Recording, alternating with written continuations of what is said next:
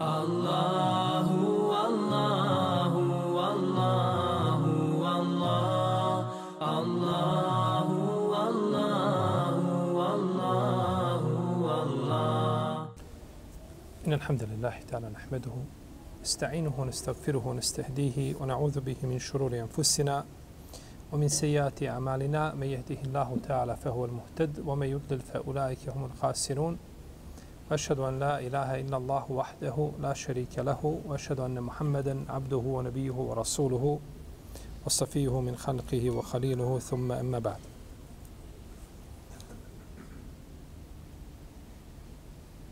U zadnjem predavanju smo spominjali da uzvišeni Allah za ođele spominje brojne blagodati kojim je obdario Benu Israil i da te blagodati spominje u kontekstu da bi trebali bar zbog njih da budu zahvalni uzvišenom stvoritelju da budu pokorni.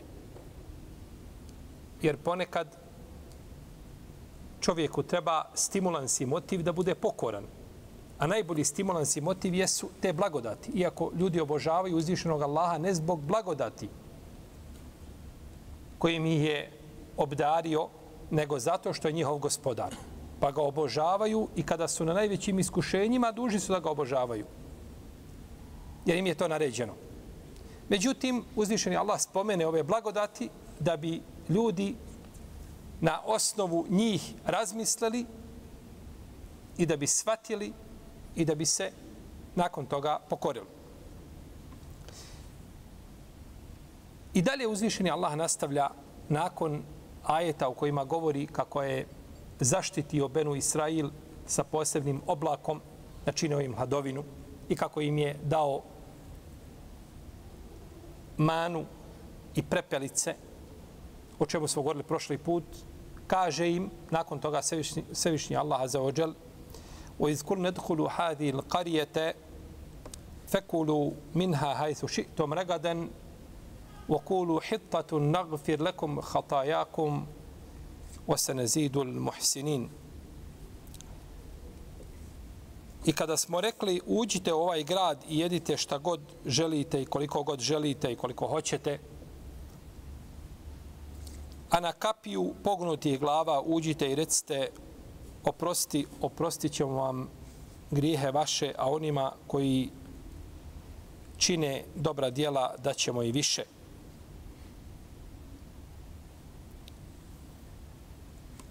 I kada smo rekli uđite u ovaj grad, u ovo mjesto, u ovo naselje,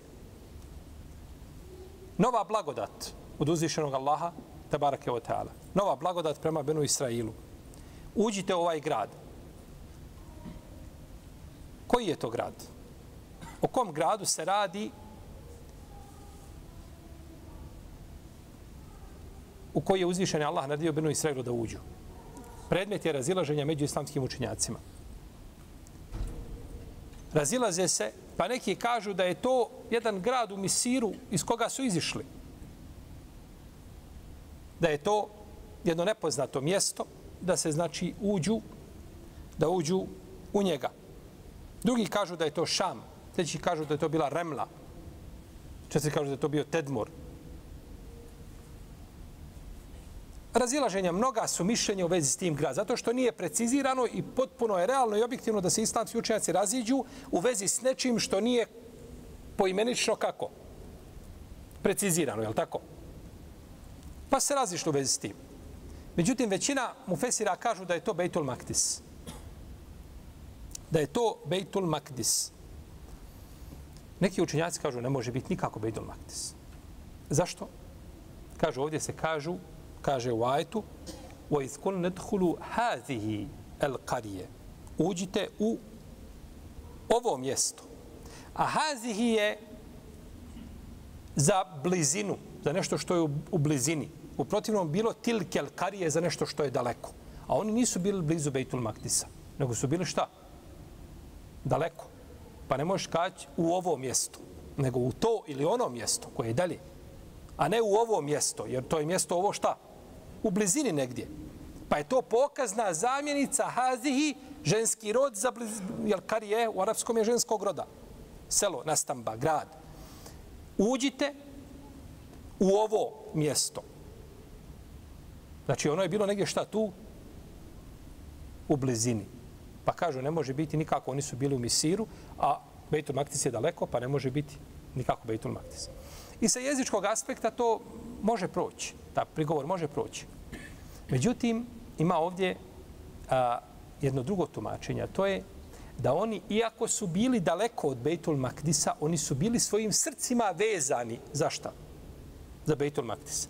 Pa je rečeno u ovo mjesto, zato što je blisko, blizu njihovi šta? Srca, iako je daleko geografski od njihovi očiju, jel u redu? I drugo, a, da ukaže na njihovu ljubav, znači prema, prema, e, prema, tom, prema tom mjestu i lahkoću ulaska u to mjesto. I zato je tu došla znači, ta, ta, ta pokazna zamjenica za blizinu. Pa iako je s jednog aspekta gledano daleko, to mjesto, ono je ipak šta? Blizu. Je li Kina vama daleko? Još to je daleko. Nećemo tako. Je li vam Saudijska Arabija daleko? Geografski jest. Ali ko hoće ići na umru, je tako?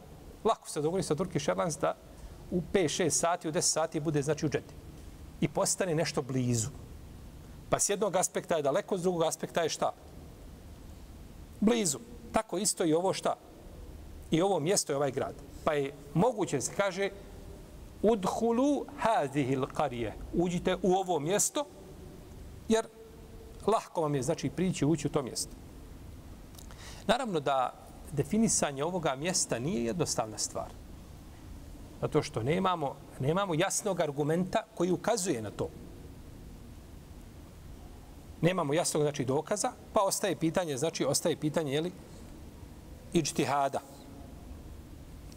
Ako se radilo o Bejtul Makdisu, ulazak u Bejtul Makdis, kako se kaže Bejtul Makdis drugačije? Jerusalim? Kuds. Kuds se kaže.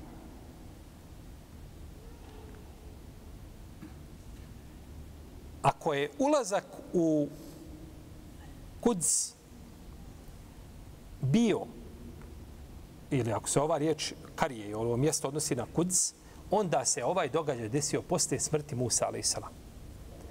Jer to nije bilo za vrijeme života Musa a.s. Nego je poslije toga desilo se da je Juša ibn Nun, koji je bio sa Musaom, a.s. koji ga je pratio kad su išli kod Hadira, kada je Musa stjecao nauku, ili tako, ili pitao onome o čemu ne zna, i koji je sa sobom ribu nosio, on je nakon toga, znači, poveo vojsku prema Bejtul Maktisu. Došlo je kod Buhari i kod muslima, u sahihu od Ebu Horira radijallahu anhu, da je rekao, izišao jedan od poslanika u bitku. I rekao je, neka me ne prate trojica ljudi. Neka ne idu sa mnom u boj danas trojica. Čovjek koji se oženio i nije imao intimni odnos sa svojim suprugom. I čovjek koji je podigao kuću, građevinu, ali nije pokrio. I čovjek koji ima a, ovce ili deve koje očekuju telenje. Ova trojica neka ne izlaze sa mnom. Onaj ko se oženio, njemu je samo mlada kola mu po glavi ispred očiju, je tako? Onaj ko je podigao kuću, a nije pokrio, njemu je srce na rogovima obješeno gore. Na onoj glavnoj gore grijedi. Onaj što je ovaj čeka, eh, je tako, devčad, jagnjad, tu su pare on neće biti znači spreman da izdrži, da on će se vratiti sa pola puta. Će Bogam tri večeri uzastopno sanjam mladu, sanjam kuću i vraća se, kaže, ovi neka me ne prate. Pa je došao do pred mjesto to u vrijeme ili Kindije ili oko ikindijskog vremena. Pa je borio se, pa je trebalo sunce da zađe, pa je rekao suncu, kaže, tebi je naređeno, a i meni je naređeno. Kaže, Allahu dragi, zaustavi ga, zaustavi sunce, dok ne klanjamo i kindiju. Pa Allah zaustavio sunce, pa su klanjali kindiju. Pa su nakon toga ušli, pobjedili, osvojili to mjesto, oslobodili ga i nakon toga su dijelili ratni plijen. A u prijašnjim narodima ratni plijen dolazila bi vatra sa nebesa i palila bi ratni plijen. Moraju ratni plijen iskupiti na jednu gomilu i vatra ga spali, svega, nestane. A ako je neko nešto uzeo potajno, nema vatre. To je dokaz da ima prevara. Pa je rekao taj poslanik, taj vjerovjesnik, da budemo precizniji, taj vjerovjesnik je rekao neka mi svaki čovjek, neka mi popredstavnik iz svakog plemena da zavjet, zakletvu, prisegu. Pa su prilazili i davali prisegu, pa se ruka jednog čovjeka zalijepila za njegovu. Pa je rekao, kaže, među vama ima prevarant. Pa su doveli ljude da svi daju prisege, pa su se zalijepila, zalijepile ruke. Neki od njih kažu, vi ste uzeli pa su ošli, donijeli jednu, jedan komad poput kravlje glave, zlata, koji je bio ukraden. Pa kad su to stavili na gomilu, onda je došla vatra i to spalila. Kaže poslanik, salame, pa je uzvišeni Allah nama dozvolio plijen znajući našu slabost. Najveća naša slabost dozvolio nama ratni plijen, a to nije bilo dozvoljeno priješnjim narodom. I to je jedna od onih pet stvari koje je poslanik salame spominio u hadisu, da su dozvoljene njemu, a nisu dozvoljene nikome drugom od, od poslanika. Ovo je, znači, ovaj poslanik je bio, što je išao, bio je uh, Juša ibn Nun, što je borio se. Kako znamo da je to Juša ibn Nun? Kad nije spomenuto u hadisku od Buhari, kod se ovdje se Buhari, to nije spomenuto. Došlo je u hadisu koga bilježi imam Ahmed u svome musnedu. I bilježi ga imam Tahavi u svome dijelu Šerul Muškil. I bilježi ga isto tako imam Darekuti u svome dijelu Telif, Muhtelif sa vjerodostanim lancem prosta, tako kaže Ibn Hajar imam uh, Ibn Kesir, da je poslanik sa osanem rekao nikome uzvišeni Allah nije zaustavio sunce osim Juša ibn Nunu. Nikome od ljudi uzvišeni Allah nije zaustavio sunce osim Juša ibn Nunu. Kaže jedno vrijeme dok nije ušao u Bejtul Maktis jedno vrijeme dok nije ušao gdje? Bejtul Maktis. Pa znamo da je to bio Juša i znamo da je Juša bio poslanik, da dobio poslanstvo, odnosno dobio vjerovjesništvo posle koga? Posle Musa, ali sram. Pa on nije kao poslanik u tom kontekstu spomenut u Kur'anu, nego je znači nakon toga došlo njegovo šta? Poslanstvo koje je spomenuto u, u hadisima, je tako? Iako je većina, znači, jeli, poslanika apsolutna spomenuta, je tako, u u, u spomenuta u Kur'anu. Za razliku od neki, je tako, koji spomenuti poput Daniela i drugi koji spomenuti znači u predanjima, a nisu spomenuti u hadisima, poslan, u, u nisu spomenuti znači u kuranskim ajetima. Pa je sunce zaustavljeno njemu i nije nikome drugom od ljudi. Tako je došlo u hadisu Ebu Hureyre, kod imama Ahmeda i kod Arekutnija i kod imama Tahavije i drugi.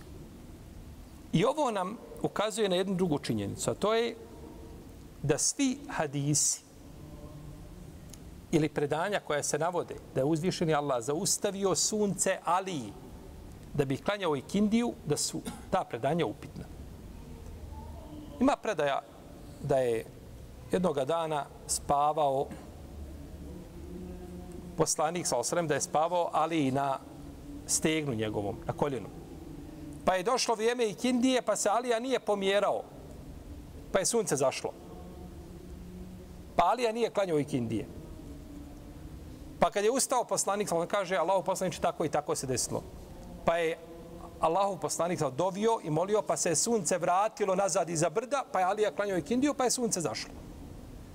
Ima to predanje, bilježi ga Osman ibn Bešejbe i bilježi ga imam Tahavi i drugi. Ima učenjaka koji su prihvatili to predanje poput Ibn Hadžara, poput imama Hejsemija i drugi, Kažu da taj hadis dobar, da može proći. Međutim, ispravnije ono što kaže imame Zehebi i što kaže Ibn Kesir i što kaže šehol Oslam Ibn Tejmije i drugi učenjaci, da su te, te predaje neispravne. Da u lancu prenostaca ima žena koja je od potomaka Alije radijallahu anha, koja je bila nepoznata. Znači, bila je anonimne biografije. Tako da su ta predanja upitna o, o Aliji i preče bi bilo da sunce bude zaustavljeno poslaniku sa na dan Hendeka. Jer ovo je vraćanje sunca da, da bi klanjao i kindiju ko? Ali radijallahu anhu. Što nije nemoguće uzvišen, Allah je samoćan, to je, to je jednostavno. Međutim, da li se je to desilo? Poslanik je za dan Hendeka propustio i kindiju dok nije sunce zašlo. Nije klanjao i kindiju.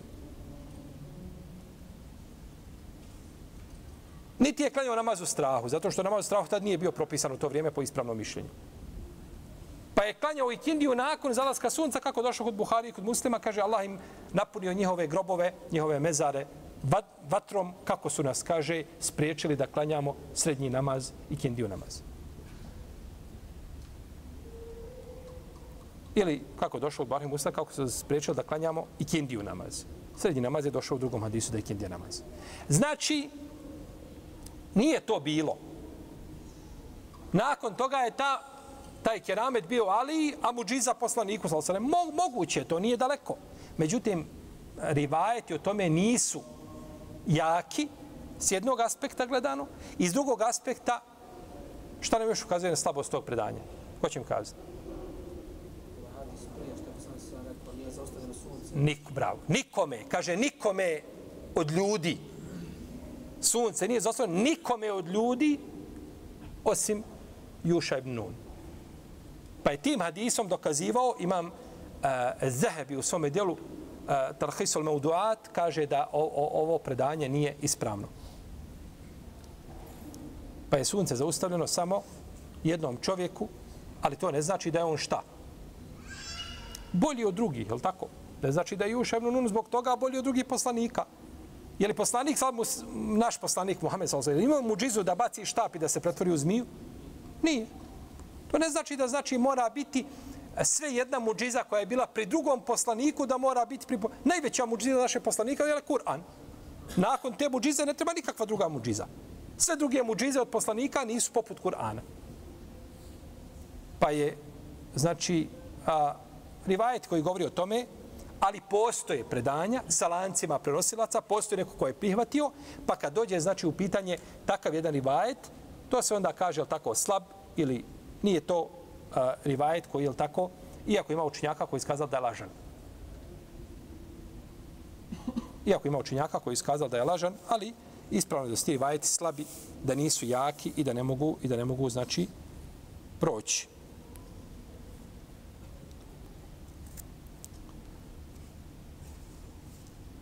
Dobro. Pa je Alija ima brojne svoje odlike i bez ti. je li veća odlika Ali je to da mu se sunce vrati da klanja ikindu ili to što je poslanik rekao da on u džennetu? Sallallahu alaihi wa sallam. Šta je veća odlika? Pa da se vraća sve jedna zvijezda. Ništa. U odnosu na džennet. Jer džennet to je taj konačni cilj. Zbog toga si musliman i zbog toga živiš i zbog toga obožavajući svoga gospodara za ođel, naravno. Ali to ti je nagrada za tvoj ibadet. Cilj je naravno Allahovo zadovoljstvo i njegova, njegova, ovaj, njegova milost i da čovjek ispuni ono što uzvišenje Allah traži od njega. Međutim, radi to da bi zaslužio Allahovu znači milosti da pobjegu njegove kazne. Ako uđe u džennet, ha, fe men udhile u džennete, fekat faz. To je, to je pobjeda prava ako uđe u džennet, je li tako? Pa je Alija ima svoji znači, osobina ovaj, a, i odlika puno više od toga da se moramo povesti znači, za hadisima koji su upitni ili kod, kod, kod koji, oko kojih postoji ili u vezi s kojima postoji veliko razilaženje među hadijskim stručnjacima. Neki učenjaci kažu ovdje i kada smo rekli udhulu hadil karijete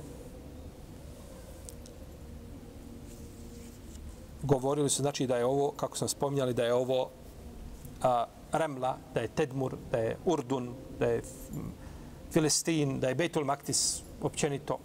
Znači razli, različita su mišljenja u vezi s ovim ali najispravnije mišljenje džumhura učenjaka koji kažu da se radi šta o Bejtu, Bejtul Maktisu. Fekulu minha i jedite fekulu minha hajtu šitum ragadan. Odakle želite, kako želite, ragadan. Red jedite obilno. Jedite obilno jer se radi o blagoslovljenoj zemlji, pa ćete imati obilnu hranu. سبحان الذي أسرى بعبده ليلا من المسجد الحرام إلى المسجد الأقصى الذي باركنا حوله oko koga smo blagoslovili. Mesud Aksa i ono što je oko njega blagoslovljeno. Zemlja Šama. I sve u Kur'anu što je došla blagoslovljena zemlja odnosi se na zemlju Šama.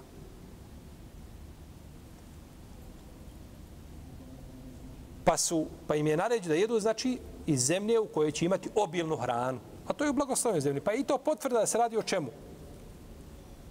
O Šamu. Da se radi odnosno o Bejtu, o Bejtul Maktisu. Ovdje se kaže fekulu, jedite. Fekulu je naredbeni oblik imperativ, jedite.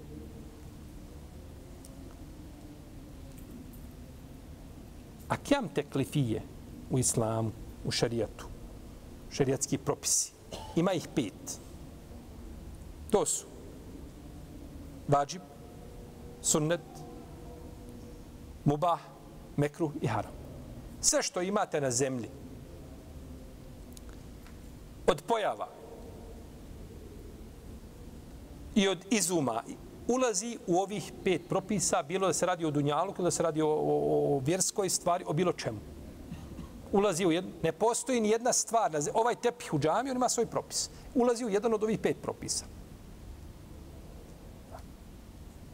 Ovaj stup u džami, telefoni koje imate, tako, e, automobile koje imate, sve, hrane koje se svaki dan izmišljaju, novi na novi recepti nekakvi, sve to ima svoje propise. Ovdje se kaže jedite naredbeno. Jelo i piće, u koji od ovih pet propisa ulazi? U muba. Ulazi u muba. Dobro. Šta je muba kod učenjaka u sulfika?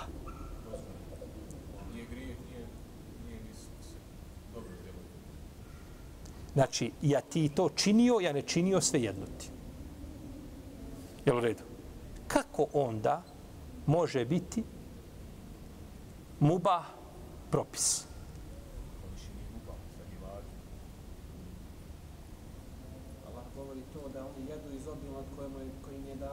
Ne, ne, ja vas pitam, ne pitam o tome. Ja pitam kako može mubah biti propis.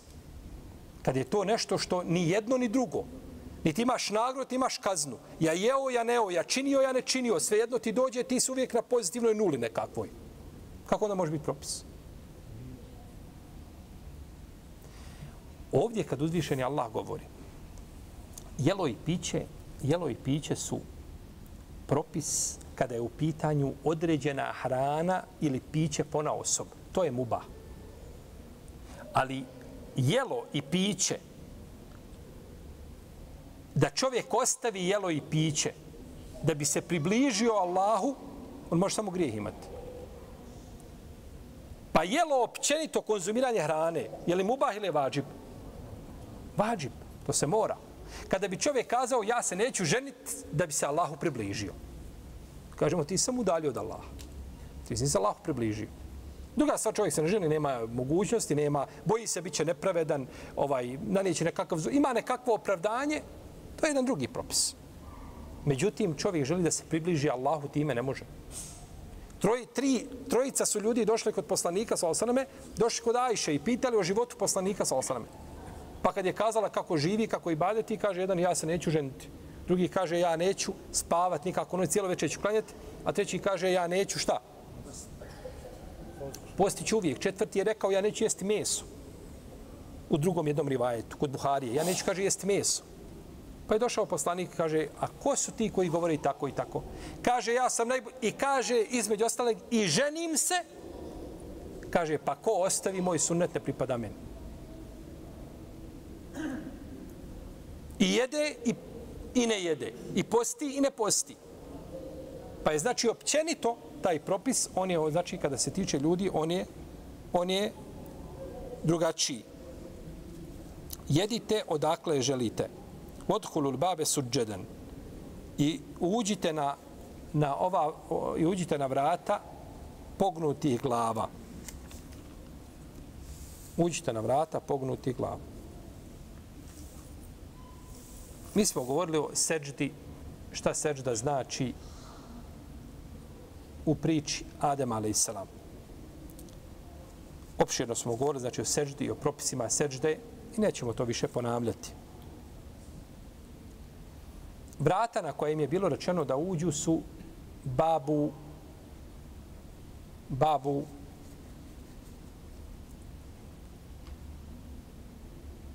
a, hetta, dobila su ime po, po ome kako im je naređeno šta da kažu kad budu ulazili. Okulu Hitta tun nagfir lakum hatajakum. A, recite Hitta. I po tome su po tome su dobila znači ovaj ime ta vrata. Kažu neki da su to vrata prema kojima je klanjao Musa a.s. benu Israil. Uglavnom, da uđu na vrata i da kažu hitta i da uđu suđeden. Ovdje je rečeno suđedan to da uđu sa, kao, kao sađidin, sa, da čine seđdu. Međutim, islamski učinjaci kažu, Ibn Abbas i drugi kažu da nije naređeno da uđu na seđdi. Ne može ući na seđdi tako. Nego da uđe pognuti glava, da uđu uh, skrušeno i skromno ne da ulaze oholo. Kako je poslanik ušao u Meku kada je, kada je oslobodio Meku?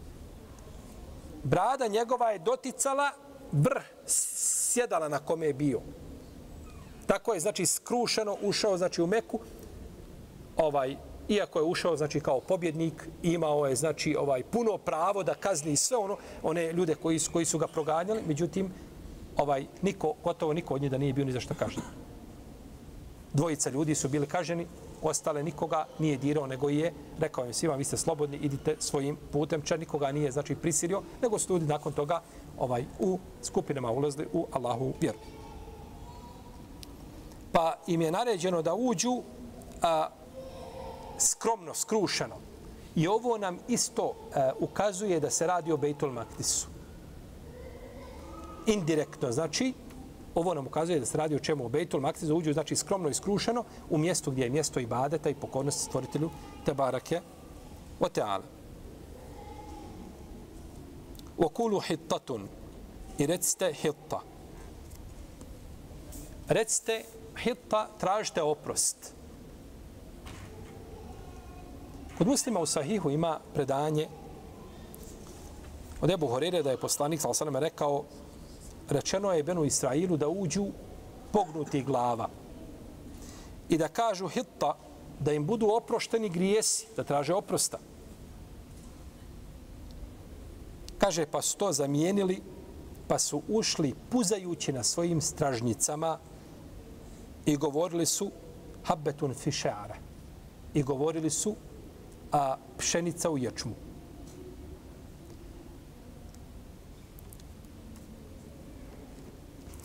Govorili su mjesto hitta, govorili su hinta, dodali jedan nun. Hitta znači oprosti nam, a hinta znači pšenica.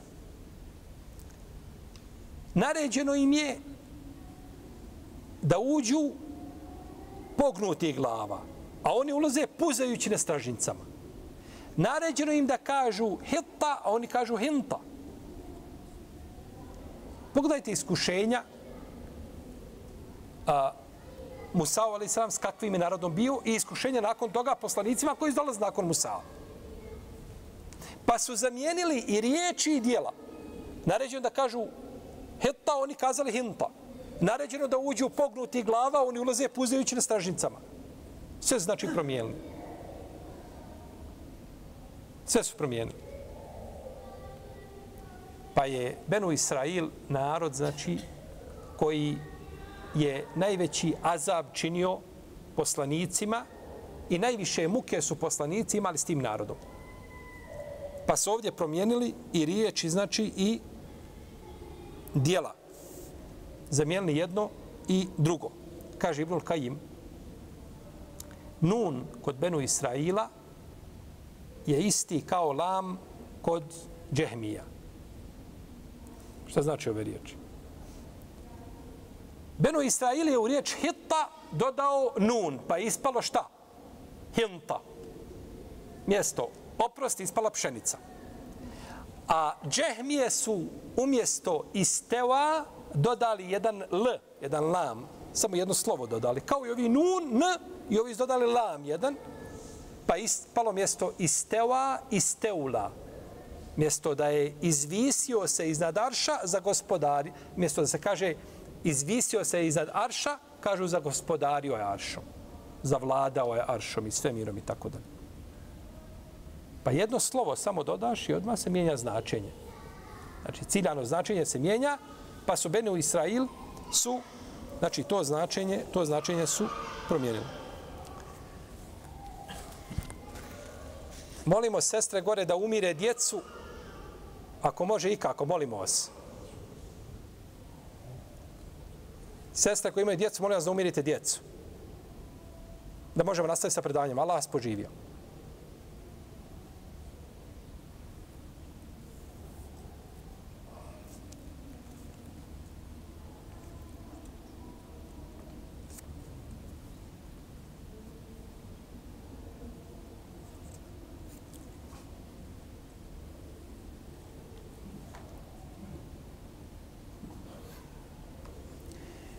Od velikih problema kada je u pitanju nauka jesu ovi momenti o kojima govorimo.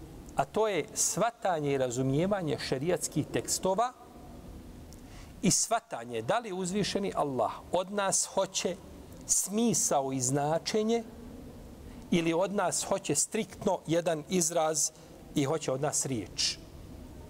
Ovo je jako bitno.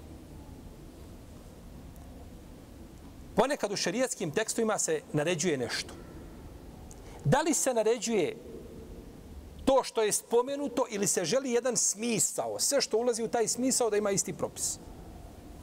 Uzvišeni Allah kaže u Kur'anu za roditelje, kaže وَلَا تَكُلْ لَهُمَا أُفِّن وَلَا تَنْهَرْهُمَا I nemoj im ni uf kazati. Znači, ne smiješ babi kazati uf, ali mu smijem kazati grobu jedan, pogledaj se. Uf mu neću kazati, ali to je zabranjeno jasnim ajetom. Ali mogu mu kazati bilo šta drugo i uvrijediti ga na drugi način, jer to nije, nema zabrane. Da li se tom, rije, tom tim, tim izrazom, nemoj im ni uh kazati, uf, arapsko uh naše, da li se cilja ta riječ ili se cilja smisao? Smisao definitivno. Cilja se sme, definitivno, smisao. Pa čovjek, znači, zaustavlja se gdje e, neće preći preko riječi koja je postavljena i ciljana, a koja je ona zasebno, znači, željena u tom kontekstu. A ako je ciljan smisao, onda je dužan da pređe. Kako to zna? To je teufik od uzvišenog Allaha. Uspjeh od uzvišenog Allaha tebi da shvatiš i da razumiješ kada je ciljan smisao, a kada je ciljana riječ. Tako da ne bi imao elastičnost tamo gdje elastičnosti nema, a da ne bi bio ni krut, ni sužen tamo gdje nema čega, gdje ima u stvari elastičnost. Pa je to znači pitanje i o tome je govorio šehol Ibn Ibnul Kajim u svome dijelu i Alamun Muqayin ima posebno poglavlje govorio o greškama onih, onih koji se drže striktno jednog, e, jedne riječi i, i teksta koji je došao i onima koji su znači uzeli smisao pa čovjek uzme smisao sa pa, pa u tome je znači napravio tako širinu koja nije ciljana ničim od, od, e, od, dokaza.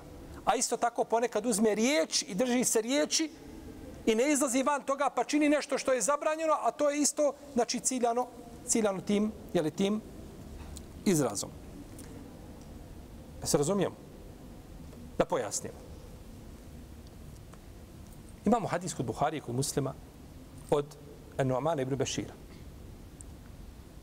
da je Noaman dao svome sinu Beširu da mu je dao hediju, poklon.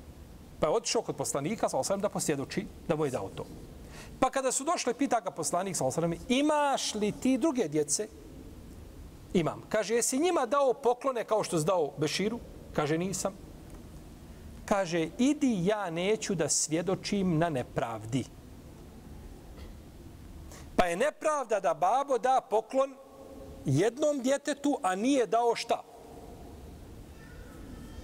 Drugoj djeci. Kaže, a je surruke en je kunu fil birri seva, bili kaže, volio da budu isti dobročinitelji prema tebi ta djeca? Kaže, bela ja Rasulullah, bi svakako Allah uposleniče. E onda kaže, budi pravedan među njima i daj i drugima kao što zao njemu. U redu. U hadis se kaže za babu da ne smije dati koga? Poklon jednom djetetu da nije dao isti taj poklon drugoj djeci ili drugom djetetu. U redu.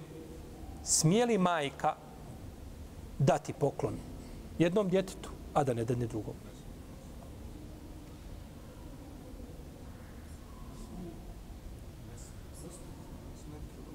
Ćemo glasati. Dobro. Ko je rekao da ne smije? Zašto? Dobro. Šta ti je dokaz da si na smisao? U hadisu se kare, znači otac je došao i on je otac to zabranio. Šta je tebi dokaz da Jer ovo je sad, postalo je smisao ili je riječ, to je postalo da igračka. Ne mogu sad našim rukama, ali tako. Kod nekoga je riječ, kod nekoga je smisao i onda se igraju ljudi s tim. Znači to mora biti zašto si rekao jedno, zašto nisi kazao drugo. Smisao je da djeca neće biti pravedna prema njemu, ako on. Znači neće biti prema majci biti pravedna. Evo, to je znači smisao. Smisao, znači kaže, bili u hadise, kaže, bili volio da budu ist dobročinitelji tebi u isti tebi u dobročinstvu kaže bi pa dobro dobročinstvo kako vredi za oca tako vredi šta za za majku. Pa je smisao znači jedan. Pa je smisao šta? Jedan. Dobro. Imamo hadis kod Buhari kod Muslima. Kaže poslanik sallallahu alejhi ve selleme onaj ko da hediju pa se vrati na da uzme tu hediju on liči psu koji je povratio, pa dođe nakon toga, pa to pojede.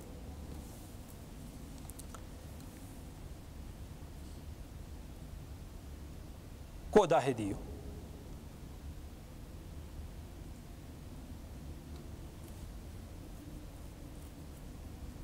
Ovo ko da hediju, je li ciljan smisao ili je ciljana određena osoba? Smisao. Svi su obuhvaćeni, kogod da hediju. Međutim, nije ciljan smisao kad je u pitanju otac. Otac može dati hediju i uzeti je kad hoće od tebe. Babo da hediju, ti dobio Samsung tamo, onaj, najnoviji nekakav, nije bitno. I su tada ujutru kaže, vrati, ti vratiš nazad babi, hediju. Zato što došlo od iskod Ebu Davuda i kod Ibn Hibana, kaže se, illa a, a, el valide ma ju'ti valedehu. osim ono što otac da svome djetetu. Jer ti što imaš, ti i sve što imaš pripadate tvome babi. Kako došlo u hadisu. Osim babe koji da, pa je ciljan smisao osim određene osobe. Pa i ovi, ovi smislovi o kojima govorimo, da li nešto vezano za smisao ili je vezano striktno za, za izraz i za frazu, vraća se opet na šta? Na dokaze. Ne vraća se na havu. Da ti iz have sjediš, kaže Boga, meni najbolje ko, pasalo da ovo bude da ovo bude općenito. I da ja sebe ugradim nekako. Nije to. To nije, jel tako, pitanja ovaj preglasavanja, pitanja, nego je pitanje argumenata I ovo je jedno od poglada šerijeta koje je jako bitno. Koliko ljudi kaže ne, zabranjeno je to, ali nije zabranjeno ovo. Zabranjeno čovjeku da mokri, da obavi e, fiziološku potrebu stajaću vodu. Međutim, imate neke učenjake, rijetke učenjake koji skazali, ali može obaviti u posudu pa sasuti u vodu. Oni su ti učinjaci koji su to kazali. A dobro se, braću, čuvajte da se smijavate sa riječima učinjaka, to vas dobro čuvajte. Kad spomenu riječ učinjaka, da neko se nasmije. To jezik se pritisne zubima dobro, nemoj se dozvoliti da smiješ, bez obzira ono što su kazali u lemu učinjaci može biti ispravno ili pogrešno. Ali da se čovjek ismijava i smije riječima učinjaka, to je atomska bomba prsima. Nemate. Jer Allah prvo kome je zapečeti srce onome ko se ismijeva s ulemom. On je prvi na tapeti da mu Allah srce zapečati. Kazali su može se tako. Zašto? Oni su uzeli, ne smiješ obaviti. Taj koji je to uradio. Je on obavio fiziološku potrebu u pravom smislu u vodu? Stajaću? Nije. To je pretjerivanje u, u strogom držanju za šta? Za tekst i izraz, a ne gledajući šta? Smisao. Ne gledaju smisao. Jer tu, tu, tu, na tom logikom, onda bi se čovjek mogao obaviti fiziološku potrebu negdje na, na, na, na, na zemlji, na obali, gdje će sići voda u rijeku i ne bi opet bio šta? Jel nije obavio? Ne, ciljan je smisao. Kako god da se to uradi, ciljan je šta? Ciljan je. I to isto tako došlo i kod dojenja. Žena podoji dijete, iz, iz, eh, izvuče mlijeko, dijete lijeno neće da doji. I izvuče mlijeko i ova popije čaše. Jel dojilo dijete? Kod onih koji kažu dojenje, do, jel, po, jel, jel pijenje čaše dojenje? Je to dojenje? Nije dojenje. Nije to dojenje. On nije podojio tu ženu. To nije dojenje. Šta je sad ciljano? Je li ciljano dojenje da on mora, to dijete mora svojim ustama uzeti dojku ili je cilj da mlijeko uđe u tijelo i da se iz tijela formiraju kosti, da se izgradi da to bude dio njega? To je razilaženje da li se to smatra ispravnim kad dođete do razilaženja među lemom, kada dojenje biva ispravno i šta se smatra dojenjem, šta, smatra, šta se ne smatra dojenjem. I onda razilaže među lemom, može li se piti iz flaše dijete ako popije nakon što žena izvuče svoje mlijeko, je li to dojenje ili nije dojenje. Hoćemo biti majka ili neće biti majka. Kod onih koji se drže strogo e, e, izraza, kažu nije, to nije dojenje. Kod onih koji su držali se smisla, kažu šta?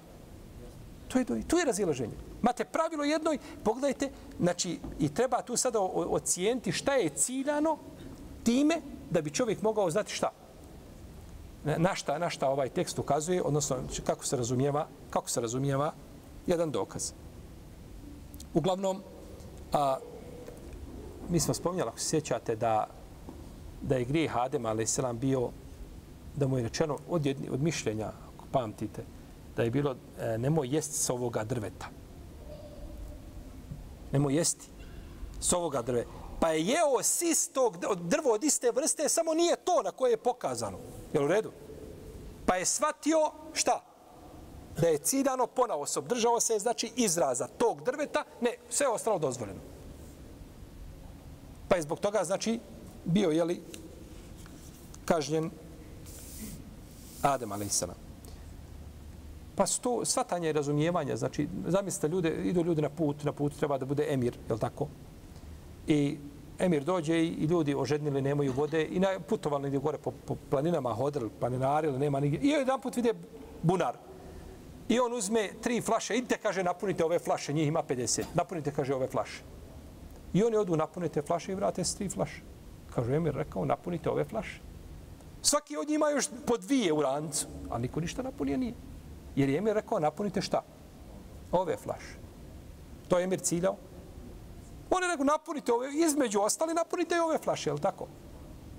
Pa čovjek sebi može, znači, može lahko shvatiti šerijatske propise pogrešno i zato je bitno, znači, ovaj da se u tim, znači, ovaj pitanjima uvijek konsultuju, znači, islamski učinjaci kako su shvatali, kako su nešto razumijevali.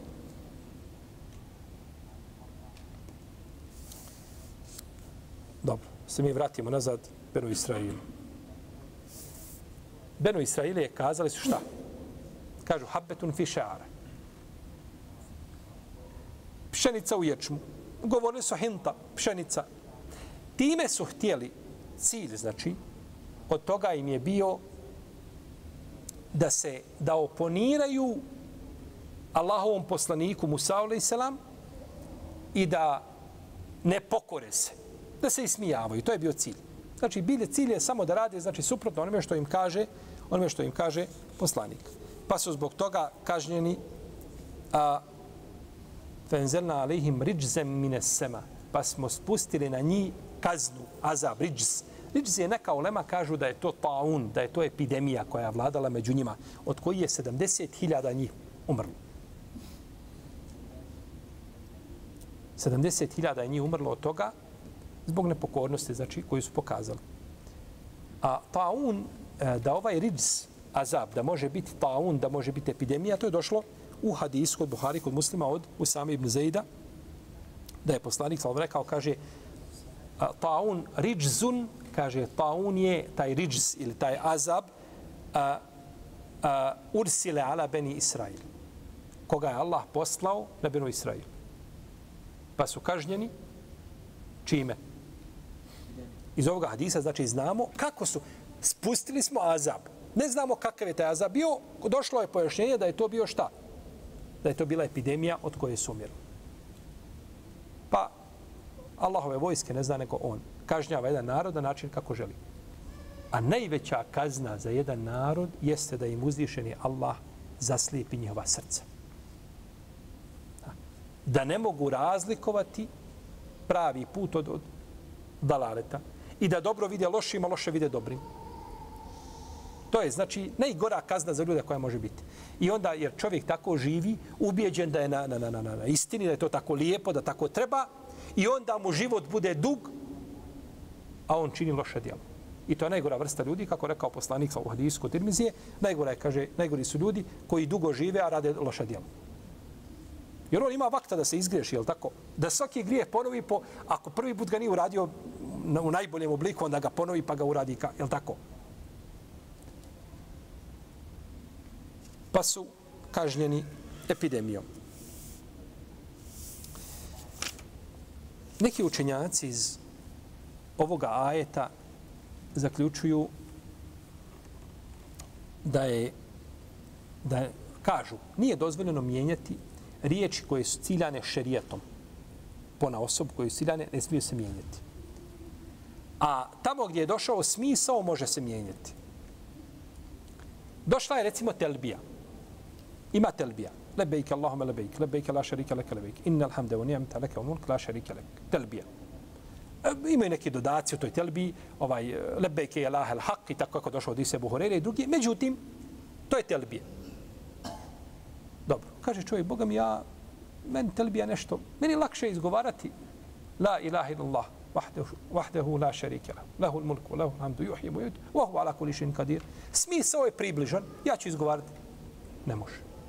Došla je telbija i telbiju moraš izgovarati. Ali kad uzvišen Allah kaže ja juhel ladina amenu uzkuru Allahe zikren kathira o vjerni spominjte Allaha mnogo. Spominjte Allaha. Kako god da spominješ Allaha ti si ispuniš ta svoju. Pa tamo gdje je došlo da čovjek može promijeniti ima pravo da promijeni. Da spominje Allaha kako može. Zikri od poslije sabaha do izlaska sunca. Zikriš na način kako ti volja. A ne možeš posle namaza zikriti kako ti volja. Posle namaza možeš kazati zikrit kako ti volja. I ne možeš zikriti koliko hoćeš. Ne možeš kazati, ja ću kazati za svaki slučaj 35 puta Allahu Ekber. Ne, 34 možeš, jer 34 je došlo. Ali možeš kazati, ja ću kazati 48 puta ovaj, od, eh, od dodatka glava ne boli. Od tog dodatka glava ne boli poslije namaza dok ne izađe sunce zikri koliko hoćeš. Ili poslije podnje kad izikriš zikri koliko... Nije, od tog dodatka ne boli glava. Ali poslije namaza od tog dodatka kako zna glava da zaboli. Samo što ti ne osjetiš da te boli glava. A glava boli. Jer ti mijenjaš sunnet koji je došao fiksni Ja tako, 33, 33, 33 ili 34, Allah, kako je došao u drugim rivajetima. Da se namiri stotinu.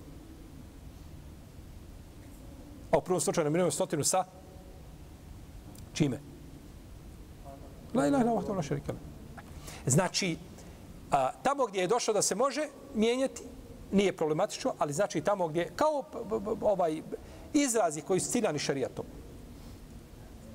Ko kaže ovaj sto puta u jednom danu tako i tako, neće doći a, na sudnjem danu niko da je rekao a, s nečim vrednijim od njega, osim ko kaže isto to ili doda na to. U redu kažemo čovjek treba da posti dva mjeseca uzastopno zbog prijestupa koga je učinio u Ramazanu. Pokvario post intimnim odnosom. Kažemo, posti za svaki slučaj 90 dana, tri mjeseca, svaki slučaj tri mjeseca uzastopno ti postoje bolji. Ne može ga povezati.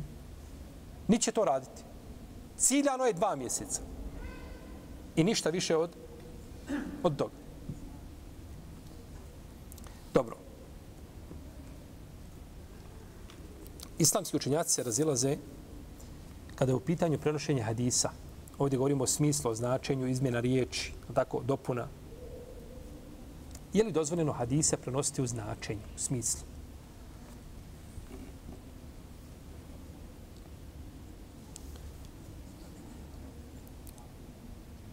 Je li dozvoljeno prenositi hadise u smislu, značenju? Većina islamskih učenjaka, mam Šafija i Buhanife, i to se prenosi od mama Malika, i njihovi sledbenici kažu da dozvoljeno da se prenosi hadis u značenju. Da dozvoljeno preneti hadis u značenju, to je znači stav većine islamskih učenjaka pod uslovom da mora značenje poklopiti se s originalom, značenjem originala. U redu.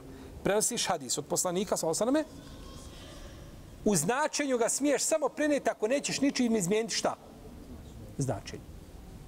I zato jako pametni ljudi, znate ko su bili? Možete se iznenaditi. Jako pametni ljudi su bili oni koji su lagali na poslanika, sa osam, izmišljali hadise. Od najpametnijih ljudi što mogu biti. I zato ćete, teško ćete, rijeđe, te, e, rijeđe se nalazi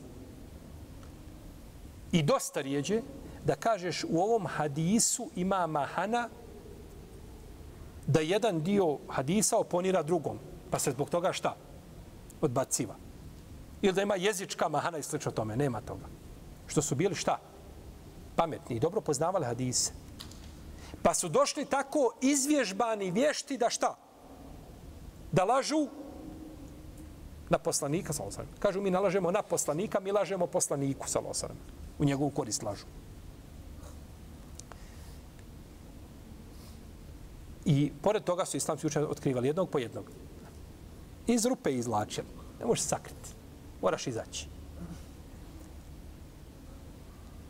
Kaže hadis i ti gledaš hadis, znači ne može biti ljepši, A u stvari on izmišljen.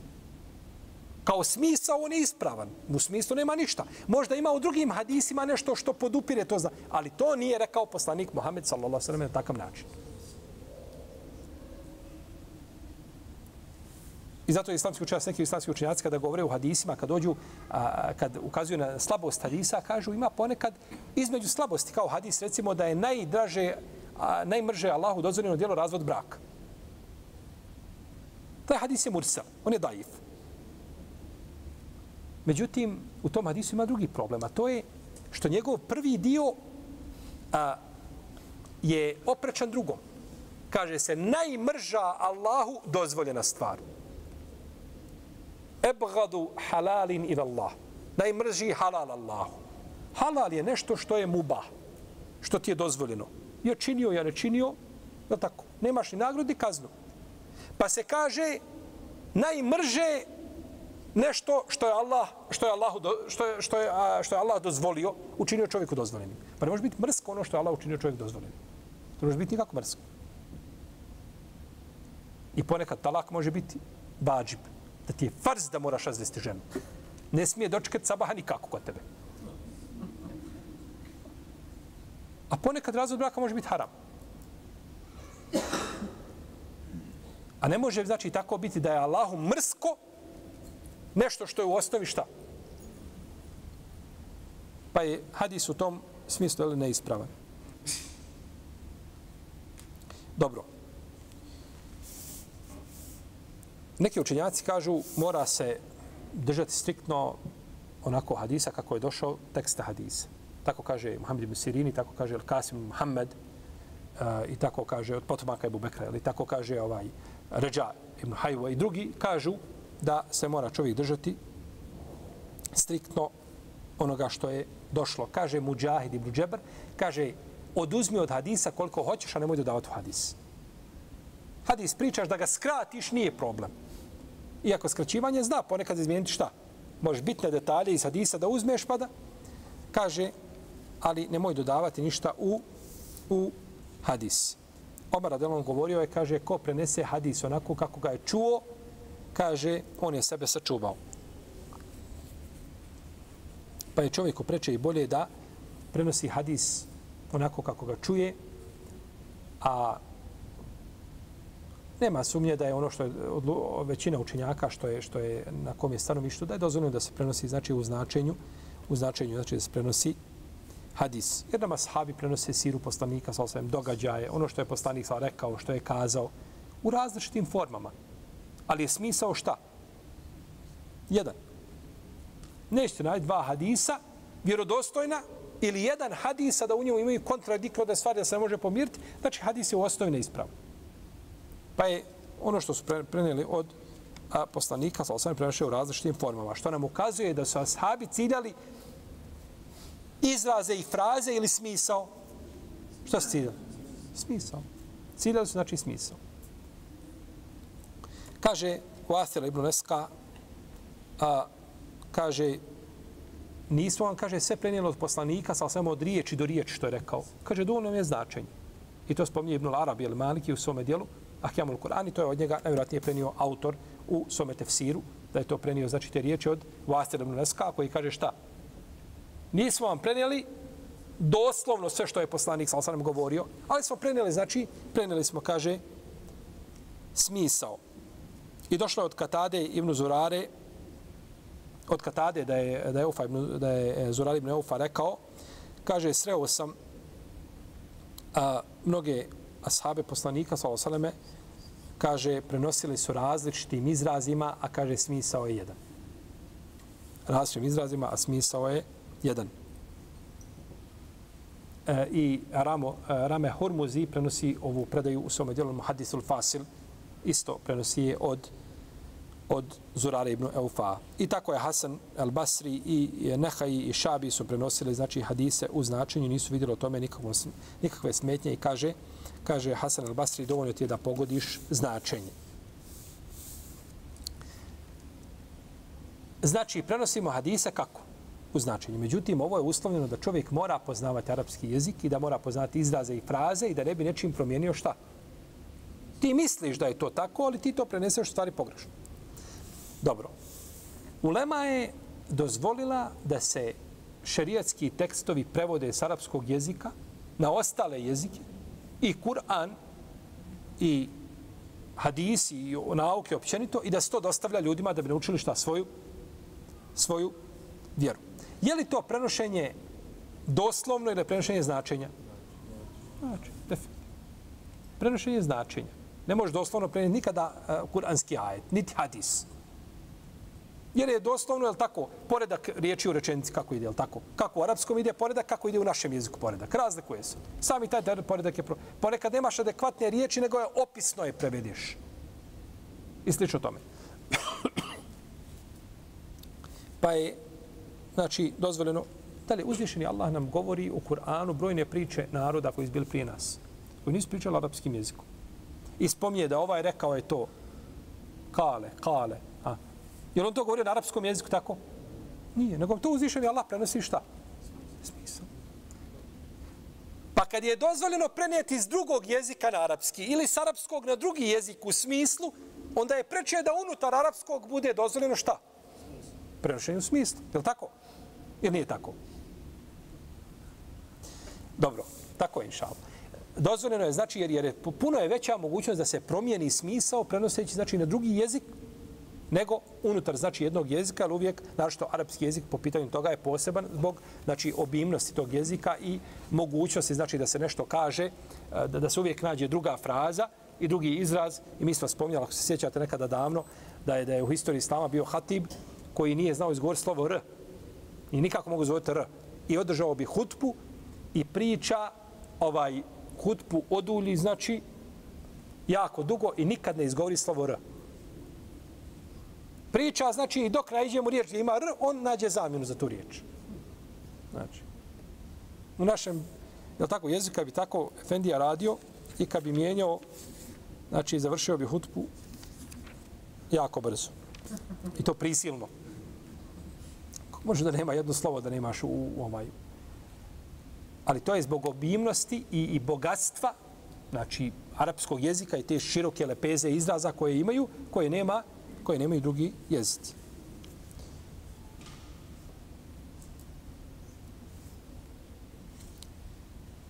Dobro. Pa je dozvoljeno prenošenje hadisa kako? U smislu. Dobro. Ajde vidimo je li dozvoljeno. Poslanik Islama, sallam, kaže u hadisu, kaže nadar Allahu imra'an semi'a minni meqaleten fe edaha kema semi'aha. Evo fe bellegaha kema semi'aha. Kaže Allah uh, učinio svjetlim lice čovjeka koji čuje od mene hadis pa ga prenese onako kako ga je čuo. Pa ga prenese onako kako ga je čuo. Ha? Prenese kako ga je čuo. Ništa ti ičtihadio po, po, po, po hadisu, nego se prenio kako se ga čuo. Čuo znači. Čuo značenje. Fin. Posebna nagrada znači onome ko... Nema sumnje da je to bolje i preče.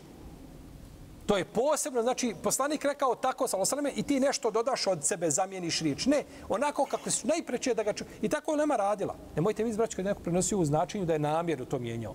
Ali jednostavno, ponekad je čuo hadis i ne sjeća se od riječi, ali zna definitivno smisao čega. Hadisa pa to prenese. Da da je značenje bolje od toga se niko ne razilazi. A najveći dokaz što ovaj hadis prenešen u brojnim formama od ashaba u različitim značenjima. E, ne, ne značenjima, nego različitim frazama, izrazima, ali je značenje šta? Isto da se prenosi onako kao što se čuje. Dobro.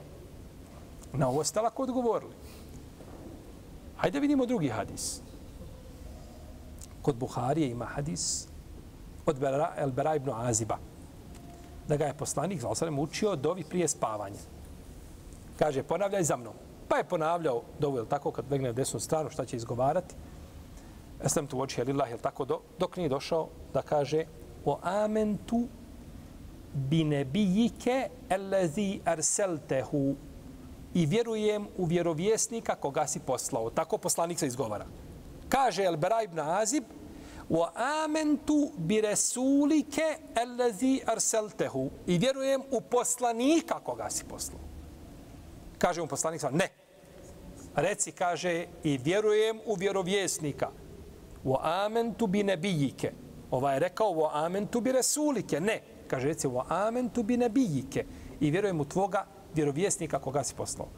Vjerovjesnik, poslanik je iznad vjerovjesnika. Pojače mišljenju kod islamskih učenjaka da su odlikovani poslanici posebnom knjigom, risalom. Za razliku poslanika koji su došli da potvrde risale koji su bile prije njih. Kada je rekao Molim. Kada je rekao Elbera ibn Azib i vjerujem u poslanika koga si poslao. Je došao sa potpunim izrazom? Jeste. Jer je svaki poslanik vjerovjesnik, a nije svaki vjerovjesnik šta? Pa on kaže, Allahu poslaniče, ti jesi vjerovjesnik, ali ti si nešto iznad toga. Ti si vjerovjesnik i ti si ujedno i, i ti si ujedno i najbolji poslanik. Pa ću ja tebi reći šta? Vjerujem u poslanika. Jel pogrešio Elbera ibn Azib s te strane ovaj... Nikakvom smislu nije pogrešio. Ali je poslanik samo zabranio da to govori. Ne možeš, kaže, tako reći, nego reći ovako. Ja te učim, ima da radiš onako kako te ja šta. Učim. Naravno. Ovaj hadis je dokaz učenjacima koji kažu da se ne može mijenjati.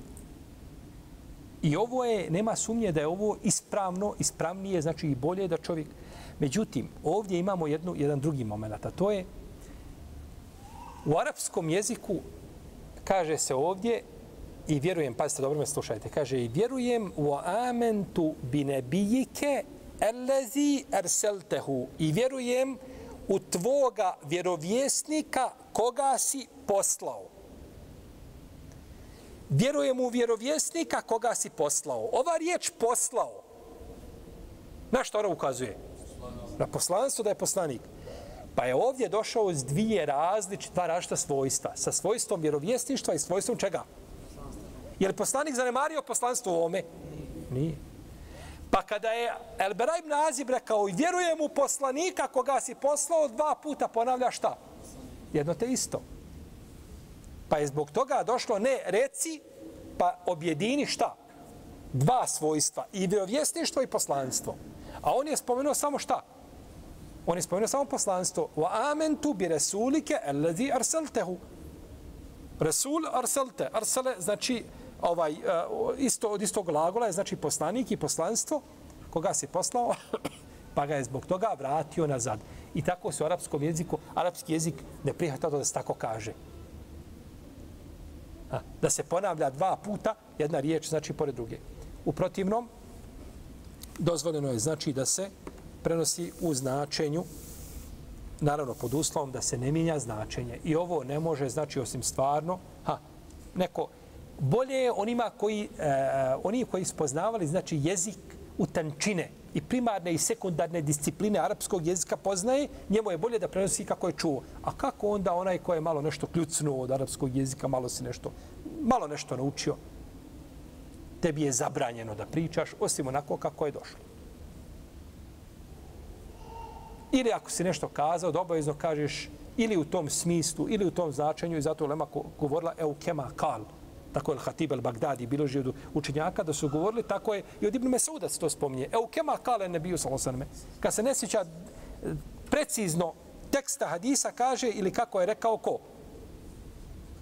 Poslanik sallallahu alaihi wasallam.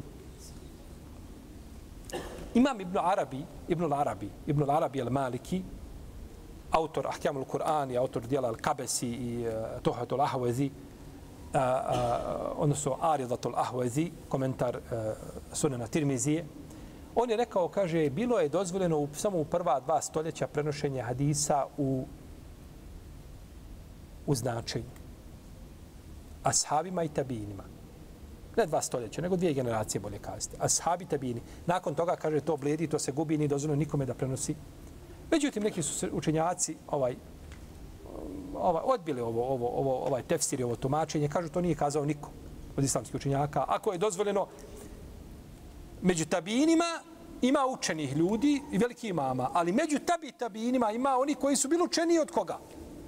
Od tabina. Ne znači ako je bliže ashabima, kao stoljeće oni su bolji. Tabi tabino, o, e, o, tabino, tabi tabina, kao stoljeće, kao generacija, da. Ali ne znači da je svaka jedinka bolja šta? To samo vredi za ashabe, da je svaki ashab vredio onoga koji dolazi nakon toga. Iako bio učeniji od njega, iako bio, jer pogled u lice poslanika, samo osanem, to se ne može ničim znači, nadomisliti. Pa ovo, znači, ovo tumačenje Ibn Arabija, rahimehullahu ta'ala, iako on zaista veliki imam ovoga ummeta, nisu znači prihvatili drugi islamski, drugi islamski učenjaci i kažu nije to niko kazao od, od e, pravnika, islamskih pravnika, učenjaka islamske, islamske jurisprudencije. O se ne zidu muhsinin. I mi ćemo povećati muhsinima, dobročiniteljima, da ćemo im još više i povećat ćemo, povećat ćemo znači, a, tu nagradu. Ko su ovdje muhsini? Muhsini su oni koji nisu obožavali tele. Po jednom tumačenju. Koji su sačuvali se tog najvećeg zla oni su znači muhsini. Ili su muhsini oni koji nisu uzimali manu i prepelice danas za sutra osim petkom. Sjećate da smo prošli put govorili da im je bilo dozvoljeno da uzmu petkom. Petkom su mogli uzeti za subotu zato što je subota bio dan ibadeta, nije im ništa dolazilo pa sebi moglo ostaviti ne bi se kvarilo. Ali oni koji su bili ovaj pohlepa i navela da, da uzimaju jel tako više nego što trebaju, oni nisu bili muhsini, pa njima njih ne obuhvata, znači, a, ali prije da će biti da se radi o ovima koji su obožavali šta? Tele. Jer ovi su činili prestup, ali taj prestup nije znači ni ovaj blizu ovaj onoga što su činili prvi koji su obožavali tele. Kaže imam El Kurtobi u svome tefsiru, u kome govorimo, kaže ovako. Kada je govorio Muhsinu, kaže Muhsin je onaj ko a, men sahaha akde teuhidihi. Men sahaha akde teuhidihi. Onaj ko a, a svoj a, a, teuhid sačuva koga ispravi, ko, ko, čiji teuhid ostane sahih i ispravan. A, ko ostane na džadi po pitanju svoga teuhida. Potom kaže u ahsene sijasete nefsihi. I ko bude znao rukovoditi sobom.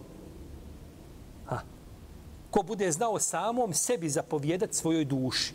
A, nije znači onda spodi sa dušom, nego on taj koji tako, upravlja svojom dušom kaže u akbele ada edai faraidihi i kaže ko bude izvršavaju izvršavao Allahove naredbe koje mu je kojim je kojim ga je obavezao kaže wa kafa al muslimina sharrahu i kaže ko bude sačuvao muslimane svoga zla pazite ovo.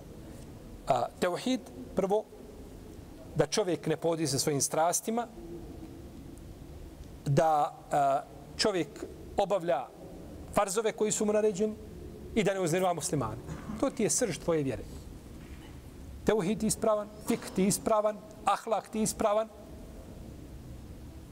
i ti se ne povodiš za svojim strastima. Lijepa definicija od imama Kurtubija šta je to šta?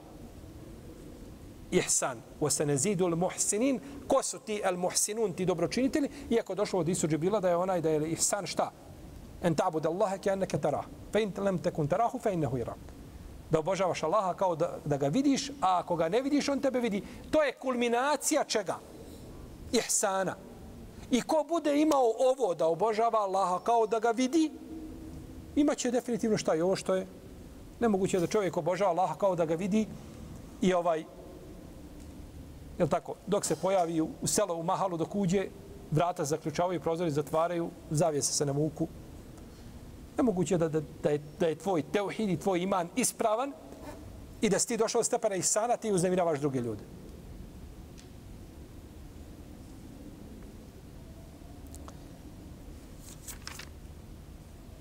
Potom je uzvišen Allah, azza wa jalla,